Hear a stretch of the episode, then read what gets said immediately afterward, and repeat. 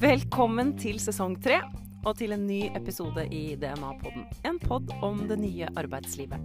Vi dykker hver uke ned i områder vi tenker og håper kan være nyttig for deg som er i en eller annen jobb i en eller annen bransje. Vi har ikke de store svarene, men vi håper å kunne gi deg noen nye perspektiver og kanskje løfte ting du allerede vet, opp i bevisstheten. Vi tenker høyt fra sofakroken, og så dykker vi ned i det som opptar oss. Vi, Mette Hopsdal og Anne Sofie Gjems, er to som har jobbet innen ulike bransjer på ulike nivåer, men vi har alltid jobba med mennesker, og vi brenner for at mennesker skal trives på jobb. Nå er vi en del av Fuelbox-teamet, der vi jobber som relasjonsarkitekter. Vi ønsker å bidra til å bygge arenaer for de samtalene som ellers ikke ville funnet sted. Samtaler som endrer både mindset og liv. Det er nye forventninger, og det er nye spørsmål. Vi har vært gjennom en helt ny arbeidshverdag. Hva skjer nå? Vi tar deg med på praten.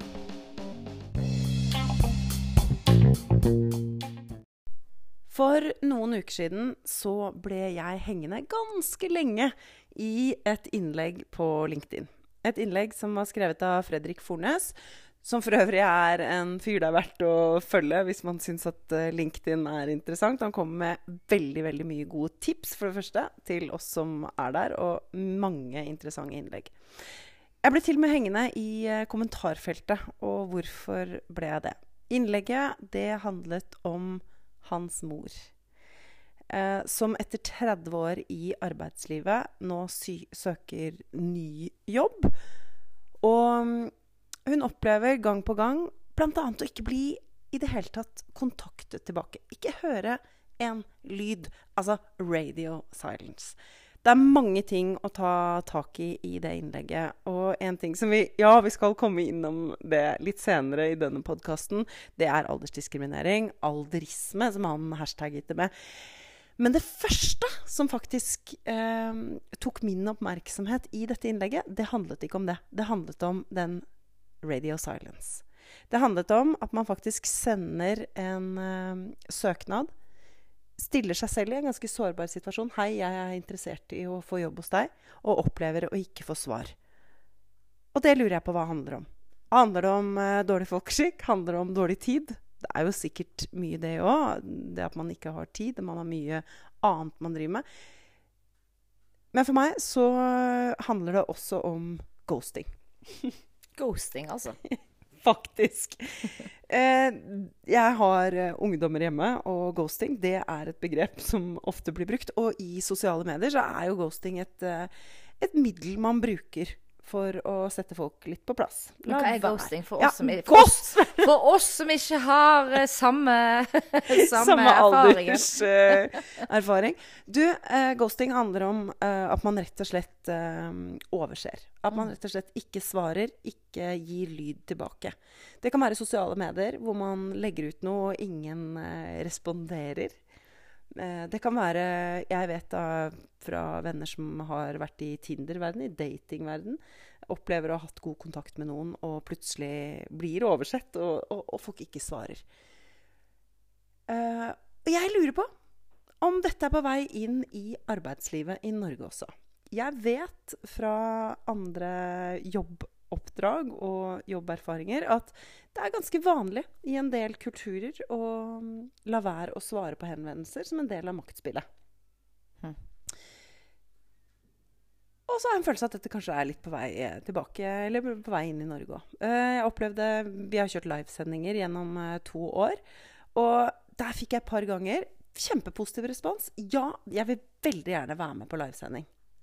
Og så hadde vi en dialog frem og tilbake om når passer det, når skal vi ha det. Plutselig ingenting tilbake.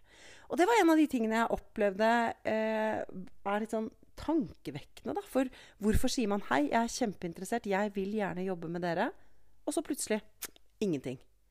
Hm. Er det noe du har opplevd, eller er, er det bare meg?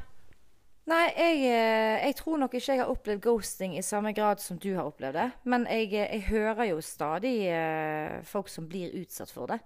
Um, og det interessante her er jo, som du sier, er dette her noe som beveger seg inn i, i arbeidslivet? For det er jo Min første tanke er jo at det er ekstremt respektløst å ikke svare noen som faktisk spør deg om noe, eller noen du har en dialog med, eller noen som ber deg om noe. Og så kan det jo hende at fordi at man Det er lettere kanskje å ghoste, som du sier, eh, når det er ikke du er foran noen, men du har på en måte noen foran deg på en mail eller du har det på nettet. At det, liksom, det blir litt sånn Det blir lettere å bare forsvinne, da. For du slipper å konfrontere eller stå til ansvar for det du gjør, eller det du ikke gjør. Eller det du ikke svarer og sier. Jeg vet ikke, jeg. Ja, for face to face så ville vi jo aldri, hvis vi får et spørsmål, så ville vi aldri bare holdt kjeft. Nei, definitivt ikke. Um, og, og så opplever jeg at um, også i, i situasjoner hvor det er folk som har bedt om noe fra meg, uh, hvor jeg leverer, og så får jeg ikke svar tilbake. Og for meg, det er respektløst. Og det kjenner jeg blir, Dette engasjerer meg. Fordi um, jeg tenker at vi har det aldri Eller vi bør i hvert fall aldri ha det så travelt at vi ikke har tid til å svare. Om så det er Vet du hva, jeg har endret mening. Nei takk. Mm. Eller 'jeg har ikke tid'. Ja. Kommer tilbake til deg, eller kommer aldri tilbake til deg. Ja, ja, ja, ikke sant? Jeg har ikke tid til å forholde meg til dette her nå. Nei. Ta kontakt om et halvt år. Om et år. Kanskje i et annet liv.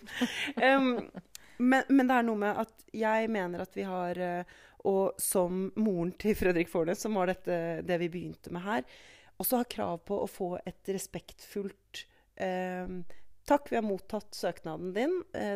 En annen har blitt ansatt. Altså om, om ikke mer enn det, da. Mm.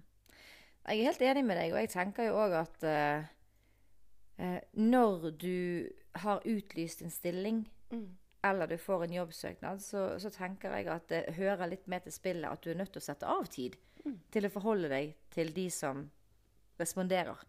Så det er, nei, det er interessant, det er det altså. Men, eh, men som du sier, er det mangel på folkeskikk, eller er det tiden, eller hva er det som gjør det? For det, det som du snakket om med den eh, den med Fredrik Fornes, det var jo andre ting jeg også hang meg veldig opp i. Og du, du, det første, Jeg vet jo mange dimensjoner ved det innlegget som du hang deg opp i. Og det første som du nevnte nå, det er jo det med ghosting. Og det som jeg hang meg veldig opp i, er jo seriøst.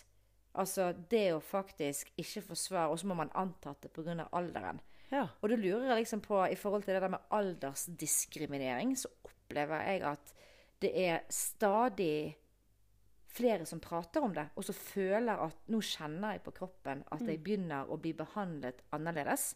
Og den eneste grunnen jeg kan se til at jeg blir behandlet annerledes, er at jeg faktisk er blitt et år eller to eller fem eldre. Ja, men vi vet jo at det er vanskeligere å få jobb det eldre du er, eller bytte karriere, eh, om du vil. Med mindre det er helt spesielle stillinger. Og jeg snakket senest for med en ukes tid siden med en eh, leder som eh, Hun var helt klar på at innen hun fylte 60, så skulle, 60, så skulle hun tre til side. fordi da var hun utdatert. Vi nærmer oss jo 50, vi òg, Mette. Ja, er vi utdatert? Ja, vet du hva. Nei, jeg føler meg ikke utdatert. Jeg føler jo at jeg er midt i greiene. Og, og så er jo spørsmålet hvem i all verden er det som definerer og bestemmer hva som på en måte er for gammelt.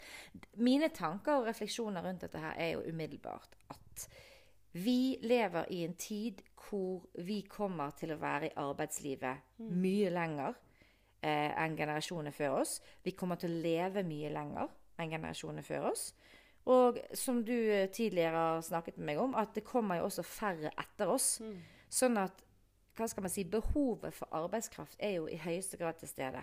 Så det er liksom den samfunnsmessige biten. Altså det høres helt eh, det, det, det henger ikke på greip at ikke man skal utnytte alle arbeidstakere som er dyktige. Dette handler om mangfoldet, gjør det ikke det på et vis? Jo, men det gjør det jo òg. Og det er den andre biten av det hvor jeg ikke forstår. For det, jeg tenker, vi snakker jo om mangfold, og vi snakker veldig ofte om etnisitet, og vi snakker om kjønn, og vi snakker om eh, seksuell legning.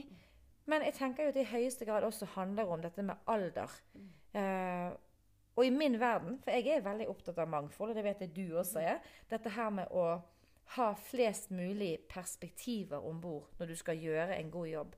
Og det handler jo om perspektiver som også er basert på at du har, me eh, har medarbeidere som er, har mye erfaring, som har vært ute en vinternatt før, og som kan fortelle at dette her har vi prøvd, det gikk ikke så bra, eller her, her tilsier alt det jeg har opplevd til nå, at sånn og sånn og sånn.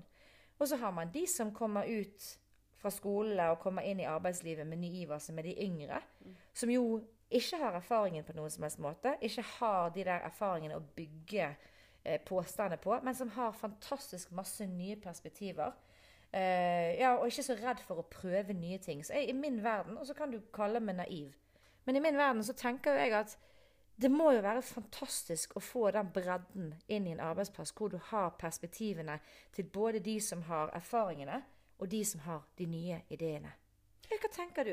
Og da kommer vi jo inn på noe vi også har snakket om før. For da, nå snakker vi også om Eller er vi inne på hvordan skal du få benyttet de perspektivene? Hvordan skal du få de perspektivene fram på bordet? Eh, og da må du jo igjen eh, skape de arenaene. Bygge de arenaene, om du vil, på arbeidsplassen der stemmene blir hørt. Der vi får utforsket hverandres perspektiver. eh, både ung og gammel, og uansett hvem vi er og hvor vi kommer fra. Men at det blir en styrke for bedriften hvis vi klarer å få de perspektivene på bordet. Mm. Nei, men vært inne i to ulike perspektiver. Det er to Ja. ulike refleksjoner fra den uh, artikkelen som jo gjorde veldig inntrykk.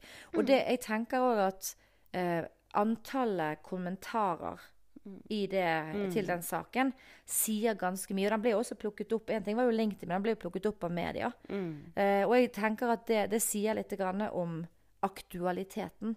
Og at dette er et tema som engasjerer. For det er jo ingen av oss som blir noe yngre. Vi er jo på vei, på vei fremover. Og, og eh, jeg syns jo det at eh, At vi på en måte skal være litt obs på å tenke på mindsettet vårt. Eh, og det, det tenker vi må begynne med oss sjøl òg. Dette her med å sette folk i bås pga. alder. Jeg, jeg har vært veldig tilhenger alltid av at mål meg, mål deg, mål folk på hva vi leverer. Ikke mål meg på noe annet. Vær så snill å måle meg på det jeg leverer, på de perspektivene jeg leverer inn, og på verdien jeg gir til en bedrift. Men det der forhåndsdømming, det gjør meg rett og slett forbanna.